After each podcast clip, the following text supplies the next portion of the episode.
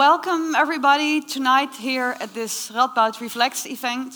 Uh, thank you all for coming. The, the weather's not that crazy anymore, uh, but it was earlier today, so uh, thank you uh, for being here. Although, of course, our, our guest tonight, Carl Cederström, would probably think this is not snow really, because in Sweden they, well, the, the, there's the, the, the, big stuff. Well, anyway, um, we're going to talk tonight about happiness, or uh, the way we conceive of happiness today, uh, what Carl Cederström calls a certain uh, happiness fantasy.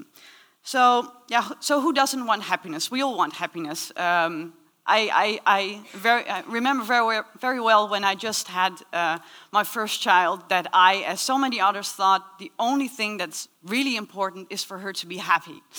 Uh, I still want that, of course, but then now that she's decided that maybe she wants to, wants to become a vlogger or a YouTuber, then it's well, if that, do you really think that makes you happy? I, I'm unsure, uh, but maybe if she would become a, a YouTuber, she would embody the, the, the happiness fantasy ideal uh, of nowadays. Uh, the idea that we have to self improve ourselves, that we have to sell ourselves, find pleasure that way. Um, but what is this? Is this uh, happiness that we always uh, that we always conceive of happiness this way? Uh, Carl Cederström will say, no, we don't. But um, before I will go explain to you so his, his thoughts, uh, let me introduce him to you. He is an associate professor uh, of organization studies at the Stockholm Business uh, School. Uh, he is author of The Wellness Syndrome and of Desperately Seeking Self Improvement. Uh, you can see his thought on our uh, happiness fantasy here already. Um, and he will tell, tell us more about this uh, tonight. Afterwards, I will do a, an interview, and then the floor is yours for questions and answers. But now, give a warm welcome to Carl Cederström.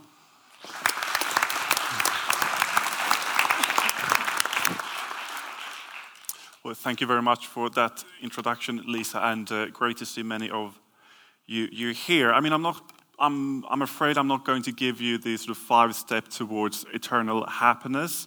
And uh, what I'm going to talk about is sort of tracing this idea of what I call the happiness fantasies from the 1920s on to today, and especially seeing how sort of self-actualization came into the picture in, in the 1960s and how that made a lot of sense then, but doesn't make a lot of sense today when trying to lead uh, a happy life. And the story I want to tell uh, begins. Um, this, um, uh, so, the story I want to tell begins in the early morning hours of November 9, 2016.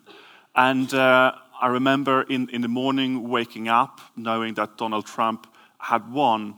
And there's a scene when he comes down on the stage of the ballroom of the Hilton Hotel in New York, and he's accompanied by the uh, soundtrack of Air Force One, quite suitably, and he's smiling and is giving his double thumbs up to the cheering audience. And then in his speech, he says the following words that he is looking and has spent his entire life and career looking at the untapped potential in projects and in people. And that is really what blew my mind because that very morning it was snowing a lot more than it was snowing. Here it was snowing so much that all the buses were cancelled, so it took me one and a half hours just wading through the snow into the university where I was going to give a lecture on the human potential movement. And uh, it was really so strange for me to hear those words of untapped potential coming out of the mouth of Donald Trump because these were the very words that were becoming fashionable and popular with the human potential movement. So, this was a movement that was being formed in the 1960s and was very closely connected to a place called the Esalen Institute, a kind of a personal growth retreat that people went to and attend all kind of crazy psychedelic uh, courses in a quest to find and discover their inner true being. And, you know, they were spending a lot of time naked in, in hot tubs and those sort of things, in a quest to uh, achieve a spiritual awakening. And all of a sudden, you hear Donald Trump speaking those same words. And those very same words of human potentiality were the words that the two founders of the Esalen Institute had heard in a lecture given by Aldous Huxley. And you know Aldous Huxley, the author of Brave New World, but also the author of Doors of Perception, where he chronicles his own experiences uh, of, of, psychedelic drugs. Um, and so it was Huxley who coined the human potentiality that these founders of the Esalen Institute took and made into the main theme of, uh, of, of the uh, human of, of, of, the Esalen Institute. But when Aldous Huxley spoke about human poten- potentiality, he was speaking about how everyone, whatever their differences, would find ways of actually realizing the, the, their full potential. And um, surely at the time, the 1960s was, was a very peculiar time in, in a lot of different uh, ways. And I think what emerged here at this time was a new vision of happiness based on authentic selfhood and sexual liberation. And the idea was that the individual was supposed to be free and that she could do whatever she wanted to do. And we should remember that what made this idea so appealing to so many people and why self actualization was in many ways a unnecessary corrective was that the image of happiness or the happiness fantasy that you'd find to be most domin dominating American culture in the 1950s was, was this. It was based on the idea of the woman, the mother, spending time at home, taking care of the children, doing all the baking and cooking, and then a father spending his time in the office and coming home late at night, being a little bit drunk from uh, uh, and then getting even more drunk from, from more whiskey and watching television and, and what have you. So you could really see uh, uh, why this was appealing. So, what I want to do now for the next half hour or so is to tell the story of the happiness fantasy that exploded in the 1960s as a promise of a new life that a lot of people really felt compelled to follow.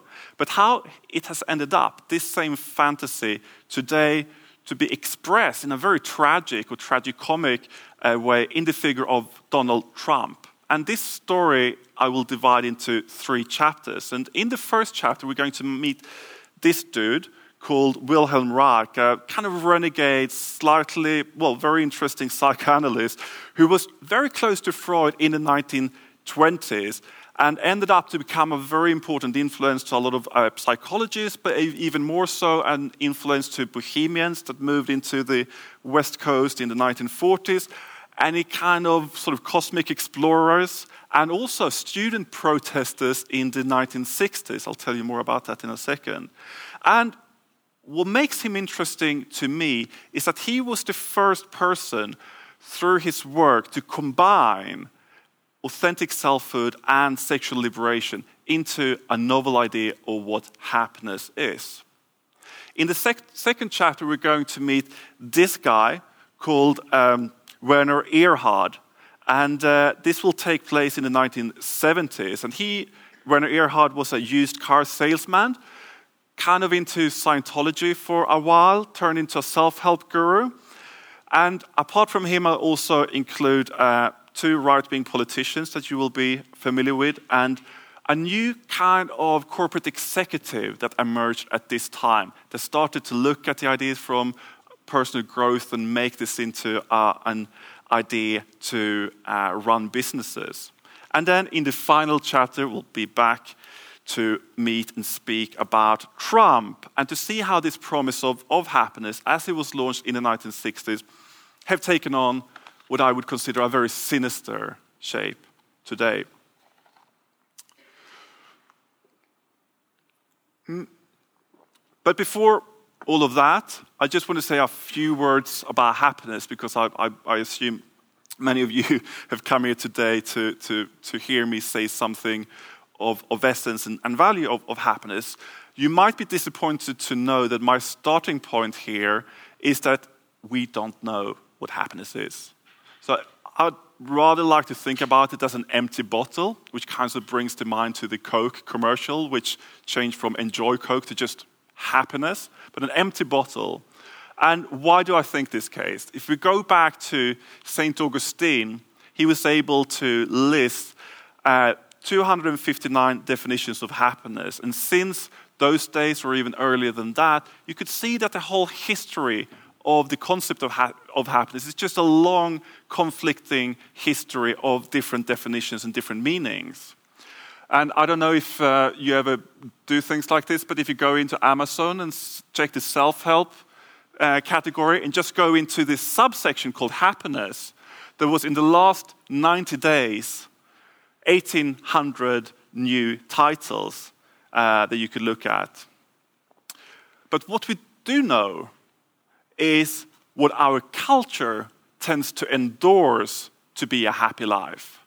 And I think this claim might, might sound a little bit vague, but it becomes all the more concrete uh, when you begin uh, looking at this from a historical perspective. So I just mentioned in the 1950s you had a different idea of what happiness is. But if we go further back than that, if we go back, for instance, to ancient Greece and look at what they thought was a happy life, or what they called, and excuse my, my, my Greek here, eudaimonia, that was a life that was supposed to be lived ethically, guided by reason, and where you as a human being would dedicate your life to cultivate your capabilities and sort of virtuous faculties, to be brave and courageous and all of those different things.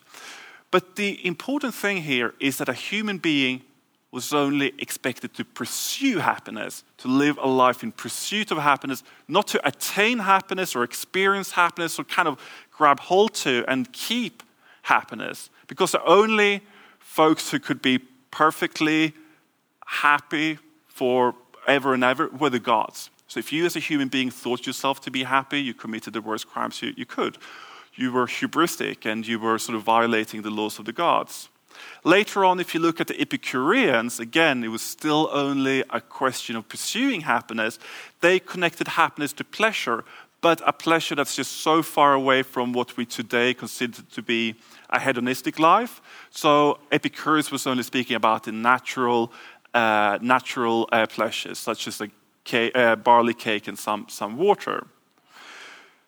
If you, and much later than that, in Christianity, as preached and practiced throughout the Middle Ages, happiness didn't exist in the life on earth. The closest you could come was through self flagellation and by sacrificing yourself and your body to God. But pure and eternal, that kind of nice happiness that we think we could achieve today, that was something that could be achieved only in the afterlife.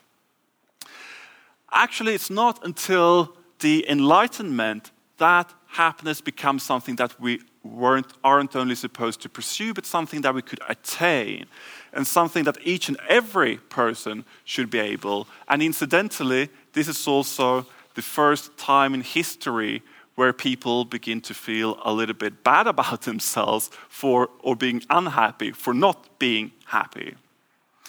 Now, if we go to our present time, which we esteem today and what we consider to be a happy life, has its own distinct flavor. And contrary to the message of Christianity, according to which we abandon ourselves to achieve divine union, we are now asked to pursue union with ourselves. So it's an idea of living an authentic life, and narcissism isn't necessarily a bad thing. And what we should do is to connect with our true inner selves and get in touch with our deeper feelings and follow the path set not by others but by ourselves. And we're also very, very far from the Epicureans. In today's hedonistic consumer society, we are impelled to desire a lot more than just a barley cake and some water. To be happy today, we are expected to optimize our enjoyment, or what some psychoanalytic philosophers have called the um, superegoic injunction to enjoy. So there's a command to enjoy everything you do, from food to sex to everything else in, in your life. Not that I say that sex and food should be unpleasant. And so these are some of the sort of key moral values that seem to underlie our notion of, of happiness today. We should be real, we should be authentic and be ourselves, and we should also enjoy ourselves and pursue a hedonistic life and take every opportunity and moment in life to maximize our, our pleasures. Now, in chapter one, the, uh, uh, I, I, want to ask the question how did these values of authenticity and enjoyment come together to form a new vision of, of happiness? And as, um, as I mentioned, it, it all goes back to this man, Wilhelm Reich. And in the 1920s, when he arrived in Vienna, he became very, very close to Freud and he presented his idea of libido theory. But then, after a few years, a few years down the line, they became bitter enemies. And what they were quarreling about, I argue in the book, are two different notions of happiness. So Freud was very skeptical about happiness. He thought that unhappiness comes from everywhere you know, your body breaks down, relationships tend to break down, everything tends to break down, everything tends to go to hell. So, you know, happiness is just not something that comes easily to human beings. Uh, sorry, sorry, so unhappiness comes very easily to the human being. Happiness, on the other hand, is something that is, is very, very difficult to, to achieve, if even we know what it is. And the crucial sort of point of disagreement here is that Freud thought that society is the best we could do. It's necessary. Civilization, fine. We aren't happy in civilization, but without civilization, we'd be hell of a lot worse off. Reich, on the other hand, thought that no, the problem is not you know, the human being and the sort of libido and all the aggression and sexual impulses we have as human beings. The problem is society. The problem is that society prevents us from being authentic. It prevents us from living our lives as liberated, and for him especially, you know, he was interested in sort of sexually liberated uh, people. Uh, so, so for him, society was preventing us from becoming happy and authentically happy, liberated, sexually liberated. And um, so Reich, and to me, he's an interesting character because he's the first one who really launched a theory of, of happiness that combines authentic selfhood with sexual, sexual uh, liberation. And he was also a very vehement critic of paternalism and authority, and he hated the family. And considered it to be a disease, which he called familitis. And, uh, but, uh, he, but so for Freud, you know, Wilhelm Reich became more and more a problem, and after a while, they threw him out of you know, the inner circle. Later on, he was thrown out from the uh, psychoanalytic communi- community altogether. But the people who did like Reich a lot were the Bohemians and the beat, uh, people, beat people, such as uh, William uh, Burroughs, uh, of The Naked Lunch, and, and also um, a committed uh, drug addict, and uh, a, a, but a very sort of important symbol for, for that bohemian generation. Now, uh, William Burroughs also owned numerous orgone accumulators, and this was a strange invention. Looked like this that Reich designed in his later years after he had moved to the United States. There's a great story where he goes to Einstein with his orgone accumulators, absolutely sure this is going to work. The idea is you stand inside of this box and you get some kind of orgastic uh, energy. And this is the orgastic energy that will allow you to become authentic. It will make you sexually liberated. And, you know, the psychoanalytic community thought he was a complete madman a lot of people did, but not this new generation of beat authors and, and uh, bohemians. And Burroughs wrote in a letter to Jack Kerouac that the man is not crazy, he's, and this is a quote, a fucking genius. The Food and Drug Administration didn't agree, and uh, later on, they, since he continued to produce this orgone accumulator, he was uh, uh thrown into prison. Uh, but What's interesting here is that Wilhelm Reich was a very, very important source of inspiration to the founders of the Esalen Institute and the people who came there. And especially these people very prominent figures in humanistic psychology, and uh, Aldous Huxley, who I already mentioned, who were interested in human potentiality and a movement where all people should find ways of uh, untapping their human potential. Uh, Reich was also the inspiration for Fritz Perls. Fritz Perls was in analysis with Reich for a while. Fritz Perls was the founder of Gestalt therapy and had these rather strange sessions called You Go on the Hot Seat, taking place in the Esalen Institute, where a person would sit down, then they would imagine their father to be sitting next to them, and then they start to curse and scream and eventually beat up their sort of invisible father. And it was all about liberating yourself from all of these authority figures, your father or whoever else it was in your life that was preventing you from becoming yourself. And most curiously, Wilhelm Reich was also a great influence for the young leftist political activists. In Berlin, in, 19, uh, sorry, in Berlin 1968, students were throwing uh, Reich's book, The Mass Psychology of Fa Fascism, at the police. In Frankfurt, protesters were advised to, quote, read Reich and act accordingly. And in Paris, uh, slogans from Reich's books were graffitied on the walls of the Sorbonne. So, in short, and what I try to, to say here is that Reich's critique of paternal institutions, the structure of the family, has, even though he failed to convince the sort of psychoanalytic community, inspired a lot of people since to rebel against authority and seek happiness through a way of, sort of rejecting uh, the norms of society in order to live this kind of authentic life. So, chapter 2 is taking place in the 1970s. So, this was the decade that the journalist Tom Wolfe called the me decade, a decade where people weren't really interested in anything else, Tom Wolfe would say, than spending all of their new riches in going to different kind of personal growth centers, finding ways of uh, discovering their, their inner beings.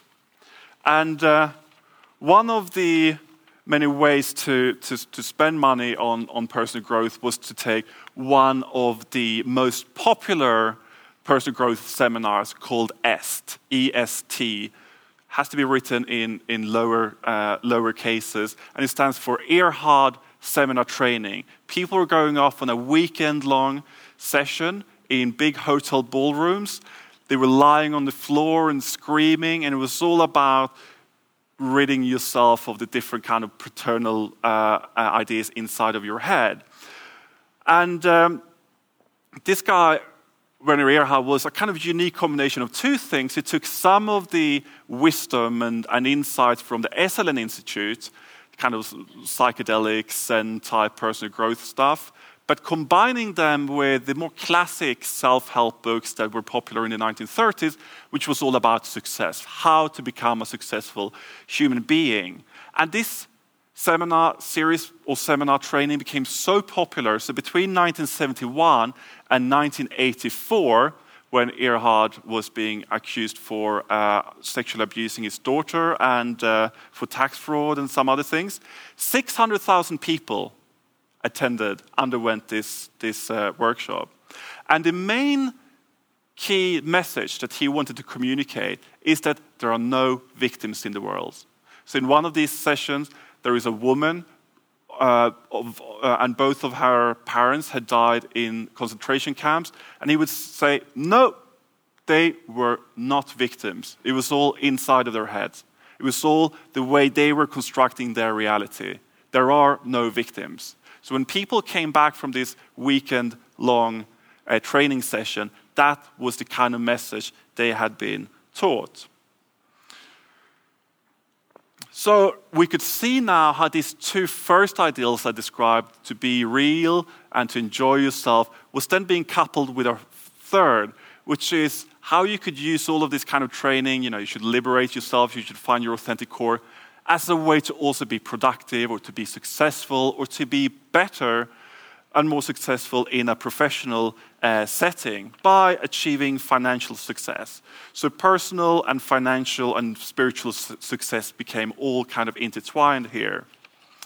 And it was also now, at this time, in the 1970s, that a lot of management gurus hit upon a brilliant idea that they asked themselves, what should we do in order to attract the young, disillusioned, alienated young people who don't like capitalism, the young people who had been in student protests in the US and Europe and elsewhere.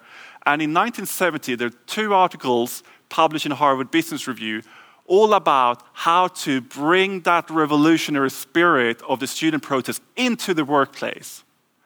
So it was about using again the same kind of vocabulary that became popular at the Esalen Institute, became popular in the student protest movement into the work, uh, workplace. So, in other words, work and the office was no longer seen as a prison, but it was a way of actualizing yourself.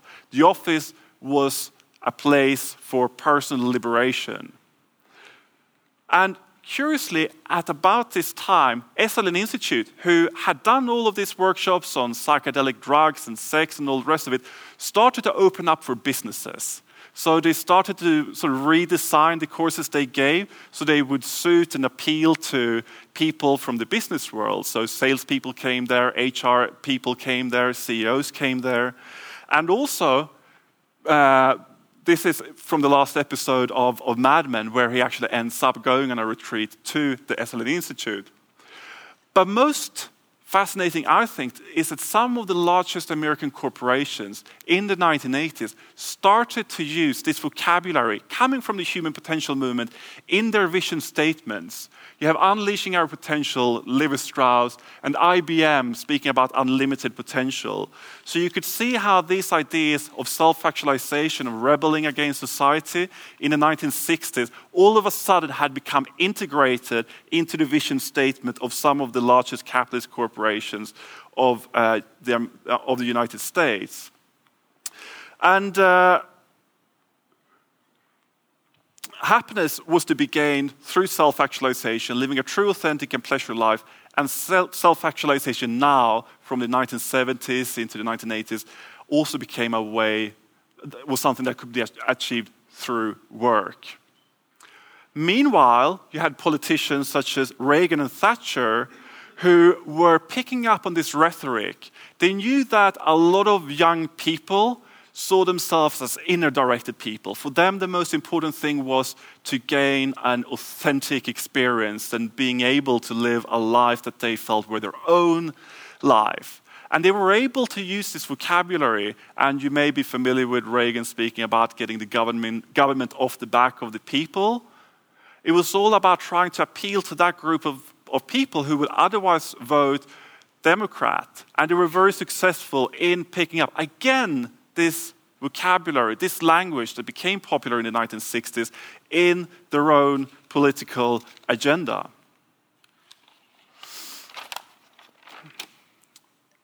So, chapter three. I need a little bit of water. Because we're going back to Trump. We're going back to an interview he did with Playboy magazine in 1990. And Trump, who likes to tell stories, told in this interview the story about the coal miner's family. And this is what he says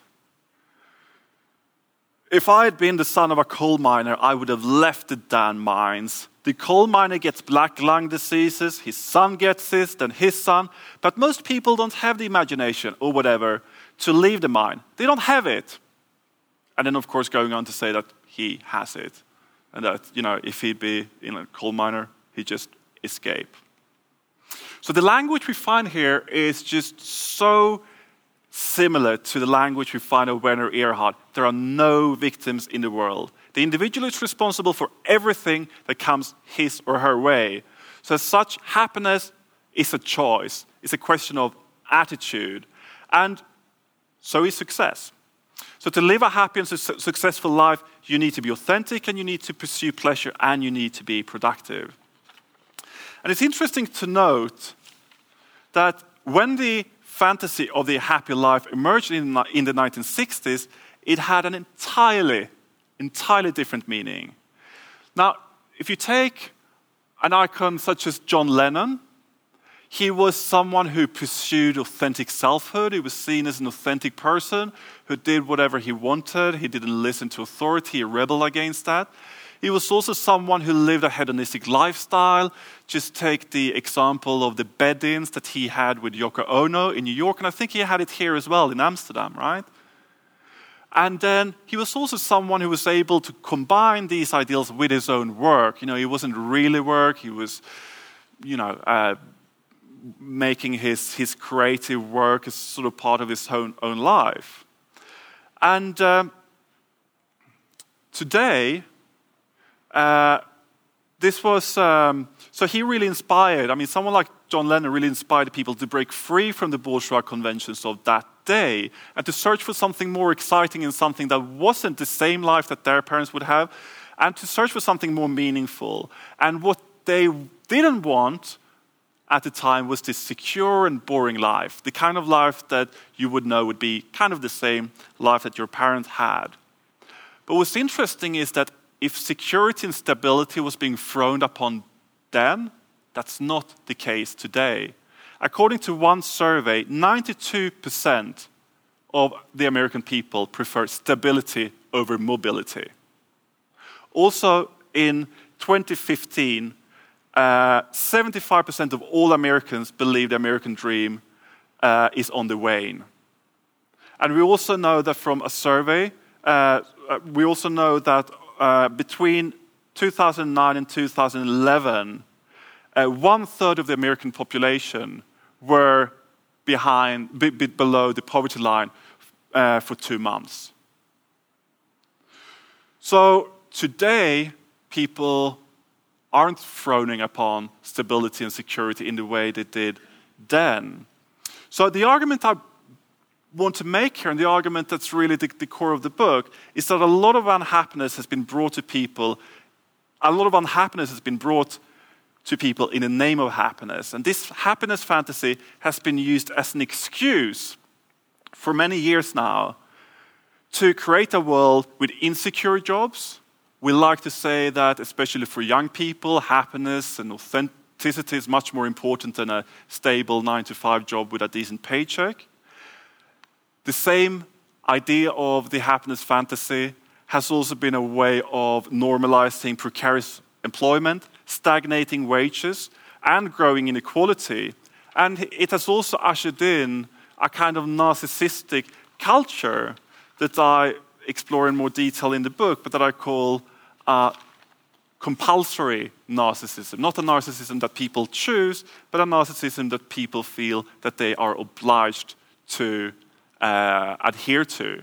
Again, young people, the first thing they are being asked if they are looking for a job is what makes you special? What makes you stand out for the crowd? Why should we choose you rather than someone else? So, if uh, John Lennon was the hopeful expression of the happiness fantasy of the 1960s, I think that Donald Trump personifies the nightmarish quality that the happiness fantasy has taken today. So, if you think about it, Donald Trump is authentic, right? He's just doing what he wants. He wouldn't listen to anyone. He just sort of pursues his own idea. He's also someone who's a product of hedonism. And I'm just not just talking here about his, his taste for fast food, but you know, the whole grab, it, grab them by the pussy and his very uh, sort of sexist relationship to, uh, to um, laying claim on, on, on, on, other people. And finally, he's a self acclaimed workaholic and he's boasting about not sleeping more than, say, three to four hours every night. And most importantly, he believes there are no victims in the world and that his own fortunes was something that he made by a very, very small loan that he got from his father. We now know from the uh, revelations in the New York Times that that is just a lie and that he was made a millionaire at the age of seven. But according to this logic, poor and unhappy people would have no one to blame apart from themselves. The only barrier stopping them, the only barrier stopping the coal miner and the coal miner's son, is that they haven't been creative enough. They haven't found a way of untapping their inner potential so that they could flourish and become their true, successful, authentic, happy selves. Sorry.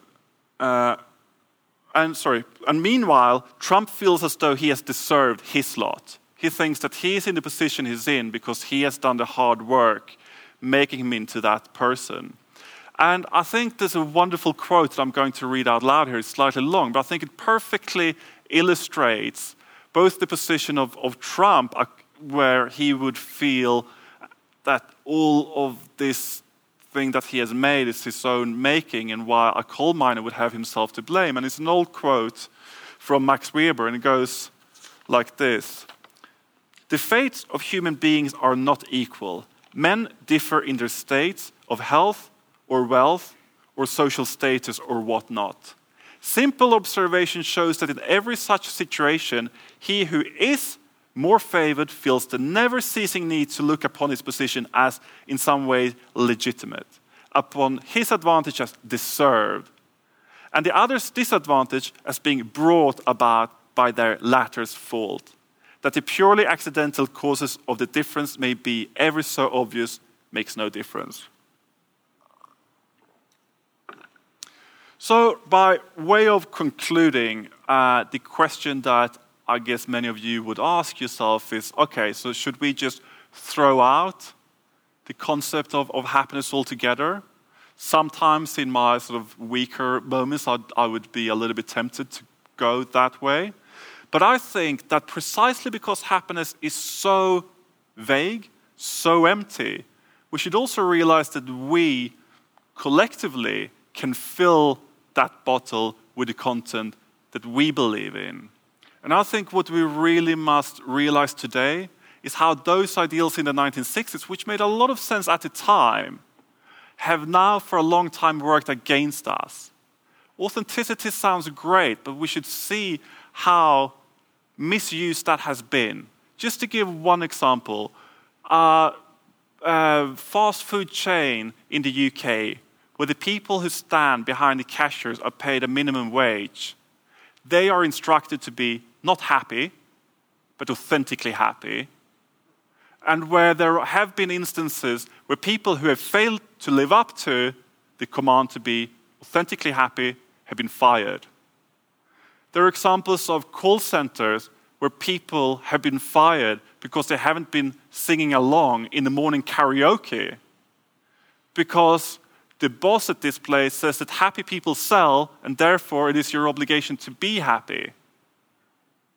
And I think we really need to wake up and see how our dominant notion of happiness, so closely connected to self actualization, is, is something that we need to reject and resist, and also try to imagine what we can do differently. I think on a more personal level, we could be courageous enough to resist this when in a workplace you are expected to go out on a retreat and have a laughing uh, seminar and sit together with your colleagues that you may not even like and sit in a ring and, and go through some laughing therapy. I think we should resist, we should walk away. When we are being told that uh, this emergency agency is going to be much more efficient if we only get in a consultant who would teach us to be more positive. We should call the bluff, we should resist, and we should walk away. But there's also another story here which is much more serious, which is the political one. And the fact that happiness is important. It's important in the sense that it is organizing people's uh, way of thinking about the world. It is organizing our utopian impulses and what we would like to see as a society. And here I think we could go through these three ideals. And we should say that instead of pursuing and fetishizing this idea of independence and authentic selfhood, we should instead begin exploring what it means to be dependent on other people and realizing that being dependent on other people is not something that we should feel ashamed about, and I think we should also uh, see what all the bad stuff that has been done in the name of hedonism, in the name of right of pleasure, uh, which I think became a revelation during the Me Too era, where you could see that so many men had misused their power, again, in the name of a right to pleasure, the right to do what they want to do. And finally, we should also begin to reflect more critically about work and how work has seeped into our lives in a way that we find it incredibly difficult to uh, get away from it. And uh, I would like to see an idea of the happiness fantasy, which is cultivated again not on our independence but on our dependence and the empathy that we might be able to nurture in relationship with, with other people. And i think i'm just about done there and been running out of time so thank you for, for listening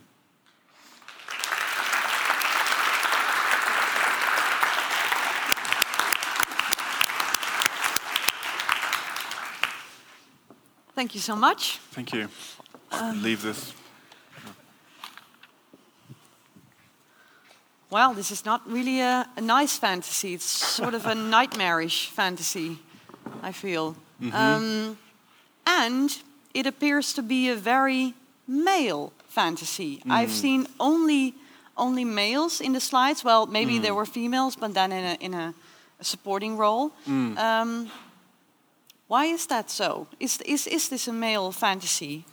Yeah, I came to a point where I was writing the book where I was struggling to find in, in this particular history from the Esalen Institute onwards uh, any, any female authors as part of that history. And then I thought to myself that this really is a male fantasy. So I also make a point out of that in, in the book. And I think, I think you're absolutely right. I think at the, at the time in the 1960s, there was a, the, the, the dream of a different life based on, which was sort of rejecting the norms at the time. I mean, yes. there was a feminist critique in that. There was a critique against the uh, sort of kernel, the, the sort of um, uh, the family as it was being based. Uh, the idea of the housewife as being described in, in Betty Friedan and the kind of the female mystique. So there was, there was that critique and there was kind of a, a feminist critique. But I think when you see the spin of this sort of happiness fantasy, especially in the 1970s when it moves into the workplace and when it moves into politics, that sort of feminist element is, is sort of disappearing. Yeah. And do you think, do you see, I don't know, is there a, a more female happiness fantasy on the way? Um, well, I mean, I think I think it might be, but more than anything, I think that. Uh, so, so, so, you mentioned dependence and empathy, and uh, so in the book, well, maybe I should rephrase. Mm. So in mm. the book, you mentioned that we might find, um, uh, so, so, that it might be a more female fantasy, but then. Uh, could you give us some examples of this fantasy already being played out? Um, I'm not. I'm not entirely sure if, if I could give any concrete example of that. But what I would like to say on, on that note is I think there's, there's so much to do already in uh, pointing out the problems with, with the happiness fantasy we have now. So for me, when, when the Me Too uh, movement really sort of took off uh, last autumn, I think one critique that was in there was how this notion of, of the happiness fantasy, I would read it, has been used against women. And you could also yeah. see that the happiness fantasy in the 1950s was also used against women that, you know, they were supposed to be at home, they were supposed to have this position.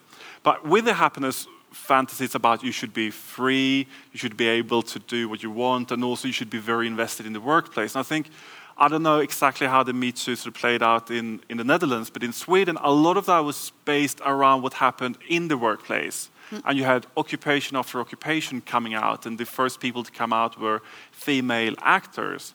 And that is where you could see that a lot of these men were taking advantage in the name of, come on, we, you know, this is fun, you know, we, we are liberated, we could do what we want. And yeah. also, these women were not allowed to say no, and they weren't allowed to sort of go and say that they had been abused because then they were also seeing themselves as a victim, and the worst thing you could be and claim yourself to be in this sort of culture, this ideology, is uh, a self sort of uh, a self-made victim. And I think uh, so, so. I think that is what I want to point out more than anything in the book. How, how this particular happiness fantasy has worked against that sort of feminist. But what will come after is, is hard to say. Yeah.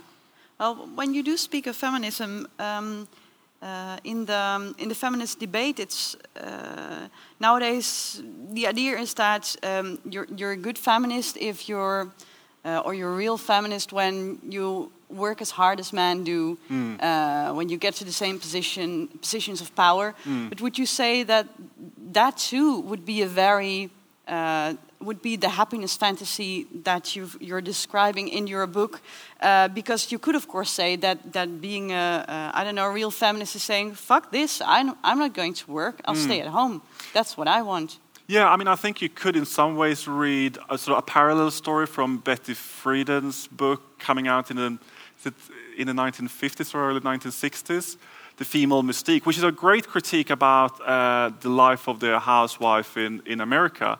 And then you could fast forward to Sheryl Sandberg's book, Lean In, which is okay, what happens next? Okay, so women will be liberated yeah. from, uh, from the home, but only to then take on this the other pos uh, position, yeah. which, is, which is also working against them. Yeah. So, yeah, I would, I would so Betty Friedan's dream, and also I think Germaine Greer, what, what she writes in the female eunuch, a lot of that sort of makes a lot of sense when it took place in that time. But then uh, when you see Sheryl Sandberg now, I don't think that's a, that's a, you know, a hugely inspiring message too. Yeah, yeah. Um, well, I'm wondering, so in, in Dutch, this book um, is called uh, Ons Geluksideaal, which would be translated as Our Ideal of Happiness. Mm. But in, uh, so in English, it's the happiness fantasy. So uh, and I was um, listening to you closely in your lecture, so I read this book in, in Dutch. Mm. And you mentioned ideals a lot, but wh um, why did you choose? Uh, why why a fantasy? Why not an ideal? What's is that? Uh, what's going on there? Mm. I might I I might give a little bit of an academic answer here, mm -hmm. but the it comes from psychoanalysis, and a fantasy is something that is both personal and also something that is being, being collective and fantasy in, in psychoanalytic, the kind of Lacanian psychoanalysis, is what gives form to a desire. So that is what I was interested in in the first place to so it shapes our desire, our collective desire yeah, for certain things. Exactly, it shapes our collective desire. So that is why I was working with, with fantasy in the first place. And I, in, a, in an earlier version of the book, I had a much sort of longer academic, sort of hair splitting uh, discussion about the concept of, of, of, happiness. But I should say that I'm happy with, it, with the translation of, of ideal. And I think, in the context of what I'm trying to say and the argument that I'm putting forth, I don't see a, a huge, huge sort of difference. Yeah. No, maybe ideal sounds, I don't know, a bit more Greek or something, but uh, uh, yeah. Yeah. Um, but what is, there must be something, no, what to you is most appealing by this, so the old happiness fantasy? So mm. you've shown us, yeah, the dark side or, or, or parts of the darker sides. Mm. But why is it? Um, there is an appealing quality to it. I feel like the, the the the, the idea that you can do it yourself, the self improvement, personal growth. Um, do you recognize this your, yourself? Uh, that this is very appealing. That this is something we really would like to be true. Yeah, of course. I mean, I think it's, it's a deep human impulse to want to be able to live a life different than the life you have. I think, uh, you know. Is this a modern thing, by the way? Would, would the Greeks have wanted it the same way? I guess so. I mean, I think, I think, uh, I think to live a life different than your own, I, I, I do think that's a, that's a deep human uh, impulse. To live a life different than your own. Yeah. So different than it is today. Well, different to, I mean, you look at all the other people. I mean, I mean, the, the tons of people here in the audience. I'm sure there are a lot of people here with hugely exciting and, and interesting, adventurous lives that I would you know, die to try out, if, if not for, for a whole year, maybe a day or a week. And, and, and I think that's, that's what we do as, as, as, human beings and, and, creatures. We do look, look around, and, and that's also. But this is what you tried yourself in a way, right? So there's the, the 2005 book, uh, I think, or seven? Yeah, seven. Desperately Seeking Self Improvement. So mm -hmm. you mm-hmm. wrote that together with Andrew Spicer. Yeah. And uh, uh, in each month, you, you tried a different thing to improve yourself. So March yeah. was for brains, I think. Mm and one I don't know February for the body. Yeah. Um, what what does that do? So th yeah, yeah. Th that must be the the happiness fantasy played out. Yeah, yeah. So I mean, so the book came out in 2017. So it was 2016 from 1st of January to 30, 31st of December that we did this project. But just a little bit of background. So I'm, I'm an academic and I spend a lot of time sitting in front of a computer in, a, in an office. And uh, I've been really interested in happiness and, and, health and how those how happiness and health become kind of moral imperatives today.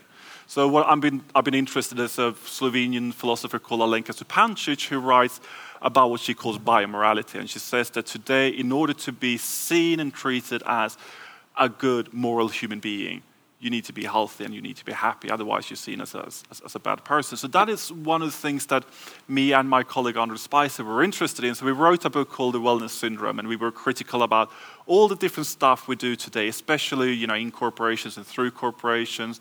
Everything from uh, employees being sent to uh, meditation courses so they could be more effective at their work, or people who would be forced to use wearable technology, wristbands, so that the employers could keep track on them, and people who would be forced to go to the gym because the employers would want to have a fitter and healthier and more productive workforce, etc., etc. So we wrote this book. We were sitting down writing the book as you usually do when you write books, even though I think more and more people are either standing up or they might yeah. be being on the treadmill desk or also or bicycle desk is also recent in, invention that you could do. So we were writing about all of these things, and then of course people were getting a little bit frustrated when it came out and said, "But do you know anything about this?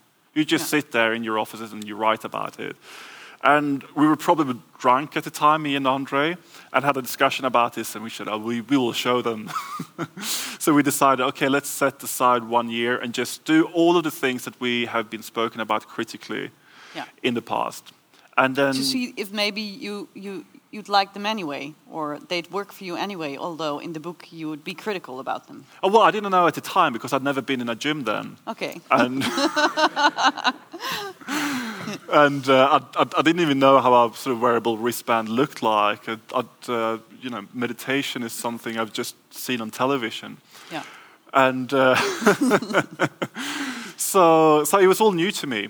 And we, we just thought, okay, we'll, we'll start. And then we, we said to ourselves, so what, what, how should we divide this this year? And that was kind of easy for us because we'd been reading a lot more self-help books than we, we sort of desired, you know, in the, in the, in the name of research. So we, we just sort of mentally went back into one of these sort of our own libraries of, of self-help books or imagine going into a bookshop to the self-help literature. So you'd find advice on how to become more productive, how to get a mm-hmm. better body, how to become smarter, how to get better relationships, how to get better sex, how to enjoy yourself more, how to become more spiritual, how to earn more money, how to be more moral, how to be everything. so we ended up with these sort of 12 categories and then we divided the year into that. And then the method we were using was only to go with the advice we were getting from, from experts. Again, as a way of reflecting this kind of expert society we, we live in today, and then we're just doing that. Okay. And? uh, and uh, yeah, it was pretty miserable. it didn't make you happy. Well, I mean, I mean, what, was there was there one particular month that made you happy, and what was that month about?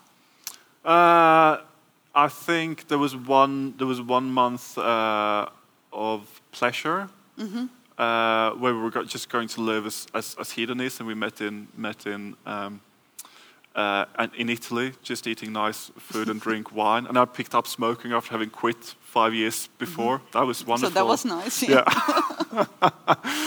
but up, up, apart from that, I mean, I think one of the interesting observation, observations we we made uh, by the end of that year is that the entire year was so self-obsessed. It was just going through the diaries was just me, me, me, me. Yeah. But yet, it was very hard to know who that me was. That me was very remote, it was very alien, it was very separate to whatever I ever thought me was. yeah. Because you had to go through so much um, work with that me and you had to put that me through so many different tests. You had to evaluate that me. So it was more kind of looking like this sort of distant annual report that you were just looking into. And I, I, imagine if you're a CEO, you look at the um, annual report and you think, oh, this is not good, this is not good, or this has to be improved. And that's kind of yeah. how, you, how you start relating to, to yourself. You, you just sort of sit and look at yourself, oh, no, that's not good. Yeah. So it became very sort of self punitive and very self obsessional, but also very sort of self punishing. Yeah. So you mentioned two types of um, narcissism. Mm -hmm. uh, so I tried to translate it, but I found that I did it wrong. I've translated them as voluntary and involuntary mm. uh, narcissism, mm. which is probably about right. -hmm. Um, so. Uh, you you mentioned that in the 60s people were narcissistic voluntary they mm -hmm. they wanted to express themselves or find their true selves. But that nowadays we've come, we've become, or the I don't know, the millennials have mm. come become uh, involuntary narcissists. Mm. Is this what you experienced? This is this is this mm. involuntary narcissism? Yeah, I mean, I think you're, you're, forced by society to focus on me, me, me. Yeah, I mean, I, th I think I, I, could just tell the story of how I sort of first came to think about uh, compulsory narcissism. So I'd been doing a lot of reading on narcissism, and narcissism was a concept that mainly psychoanalysts were, were, interested in, and it wasn't until the 1970s when a lot of American journalists started to use the term to describe what was going on in, in society. So I mentioned Tom Wolfe, who wrote uh, this a long cover piece in New York Magazine, I think yes. it was 1976 where he coined the term the me decade. And he said that we've had three decades of economic growth. People are now having a fairly good life. You know, they have economic and social stability in a way that we didn't have in the past. What do they do with the money? They spend it on themselves and to sort of cultivate this, this, uh, this very narcissistic, uh, inward-looking uh, uh lives. And then you yeah. also have Christopher Lasch, who wrote the, uh, the, um, the, Culture of Narcissism, I think 1979. Uh, Peter Marin, another big piece that came out in, in Harper Magazine. So you had all of these journalists and, and uh, intellectuals who started to describe. Was in the 70s. Yeah. yeah. And that was against the background of, of economic stability uh, and affluence. And then uh, in a few years ago, Time magazine had a cover, and on the cover is a young teenage or, or, or uh, maybe um, 20, early 20 something uh, woman. She's lying on her stomach and she's taking a selfie on her phone. And then, it says, the me generation, uh, why millennials are uh, lazy uh, and narcissistic. And I brought this cover to my students, all of whom are about you know, in, in their early 20s, and I said, What do you think about this, this cover? Is this in any way a representation of you that you think is, is correct? Or isn't, is this angering you? And they were also looking at it, and they, I mean, I thought they were going to get really angry and, and scream and rip it into pieces and, and start a revolution. Oh, but, you know, they were just shrugging their shoulders and say, yeah, I think, I think it's, it's true. Yeah, we, are all narcissists. And I go, come on, this, this can't be happening. Yeah. But then uh, someone says, yeah, you know, I was always told when I grew up that I was going to be something very special. You know, my parents always said that something special would ha- happen in my life, and all the others said, Yeah, yeah, same, same thing with me. And then one woman said, Yeah, my father said that too. But then he said, But then you have to compete with the Chinese. And then I started, so they had this, um, so they were going to be special, they were going to be different, but they also had to, you know, be, be competitive. And then someone said, Yeah, we are narcissistic, but really, when you think about it, it's not because we want to, it's because we have to. And I thought, yeah, that makes a lot of sense. And that's when I yeah. thought this is a form of compulsory narcissism. And I work in the university, there's, there's a lot of really embarrassing and um, uh, depressing things happening in the university. And one of those things is that uh, we teachers work more and more to make people sort of employable. So we would teach them not only how to write a CV or, or how to present themselves, but there are even you know these, these workshops where we are sometimes I don't do this uh, teach students how to begin thinking about themselves in uh, the sense of a brand or in the sense of something that has a market value and what they can do in order to, to sell themselves to the market. And then, again, what you're being asked, I mentioned this in, in the lecture, when they search for a job is okay, you have all of these sort of competences and qualifications, but what makes you special? What makes you stand out from the crowd? And this is the reality that people face today, not only when you want a very well paid job at Google, but you even. So even at the, the pret à manger uh, uh, uh, yeah. McDonald's like yeah. Uh, thing you mentioned. Yeah, I mean, there's because one. they have to be happy. Yeah. Really happy. I mean, there's one example where they were searching for people to work in a hotel where people had to perform uh, in a manner of a talent show. So you would have to go up on stage and present themselves and say what they had, what their talents were that made them different. And also, there's a, there's a wonderful book called uh, Nonstop Inertia, maybe 10 years, uh, uh, was published about 10 years ago by a guy called Ivor Southwood. And he describes his own experiences of being in and out of work. This is in Britain. And when he's unemployed and he's been un- unemployed for a, a pretty long time, he receives an email from a job center with a title Britain's Got Talent.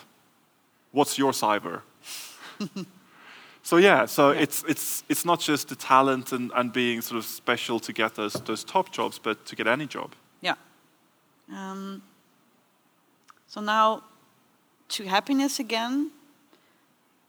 So if you go to the the, the anecdote of the pret à manger uh, employee, it has become some sort of a moral duty to be happy. So in a specific way, but but then do we idealize happiness, or why is this happening? Why why why this fetish, this happiness fetish? Um, Yeah, I mean, I'm, I'm wondering how many people in a workplace like Pret a go home in the evening and say, I need to pursue authentic happiness.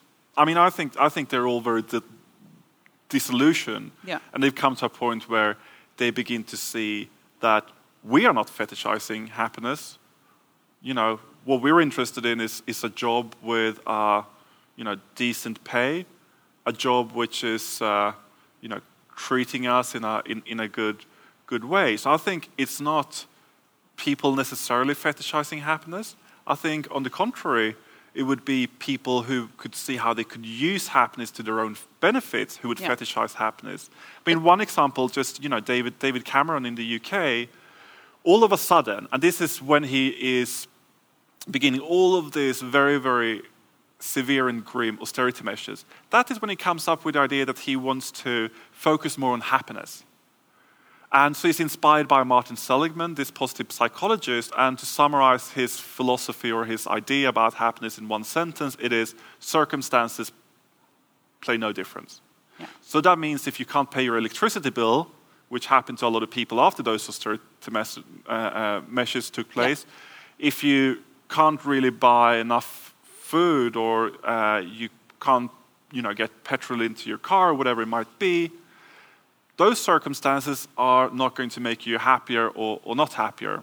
So then I think he did this happiness survey for three years, but I mean, so, so it's used as a way to distract us from um, uh, uh, things that have nothing to do with us individually, uh, that are problem in a cultural problem or a problem in society, and uh, make us feel that it's an individual thing instead of a, a cultural or a society issue. Yeah, I mean, I think the happiness fantasy reflect the ideals that are being uh, valued and endorsed in, in our society today, in the same way that if you take the ancient Greek notion of, of happiness, that was also reflecting the kind of moral and cultural values that were endorsed at that time. So it's both a question of, of the happiness fantasy reflecting the values of, of our present culture, but then it's also a question of how politicians and, and, and people in, in workplaces are using them for more sort of specific purposes. Yeah. Um, and to so last last question, and I would like to to, to give you a chance. Um, you mentioned Michel Houellebecq, fantastic, of course. Uh, so a French writer who is not known for being very happy, um, and um, you mentioned several of his books. Um, and also the, uh, uh, an essay he wrote on uh, on living and on on suffering, really, uh, that has become a documentary. Uh, uh, I think two years ago. Um, it, it, the title was "To Stay Alive: A Method," and it was a feel-good movie about suffering. Yeah. and he stresses that. Um, we just suffer a lot. We are beings that suffer a lot.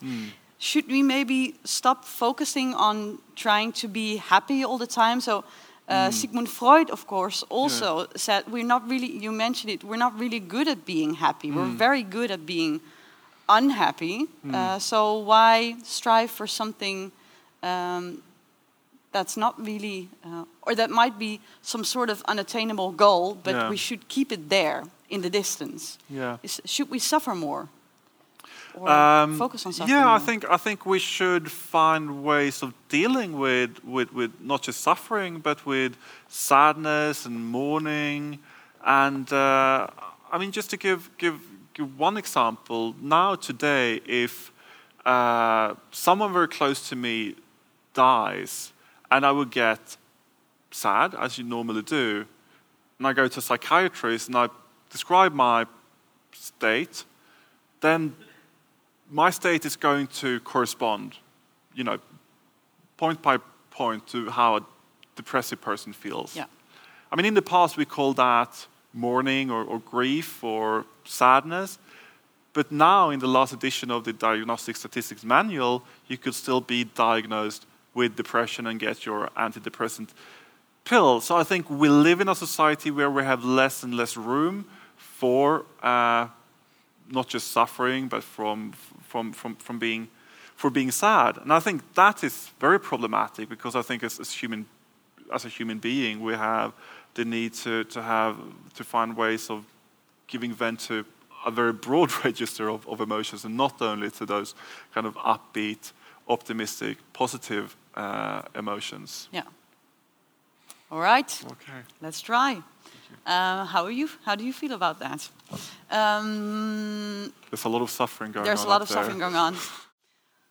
All right. I want to thank you very much for being here and also to point something out that I forgot because there, of course, we all want to know about happiness and how to be happy. And that's why Een Vandaag is here tonight as well, uh, making recordings. Um, uh, uh, earlier today, they've been with Carl to a spinning class where they interviewed him. So I think tomorrow we can all uh, watch how that went and then. Um, uh, see, see, the, see, see tidbits of this uh, evening again.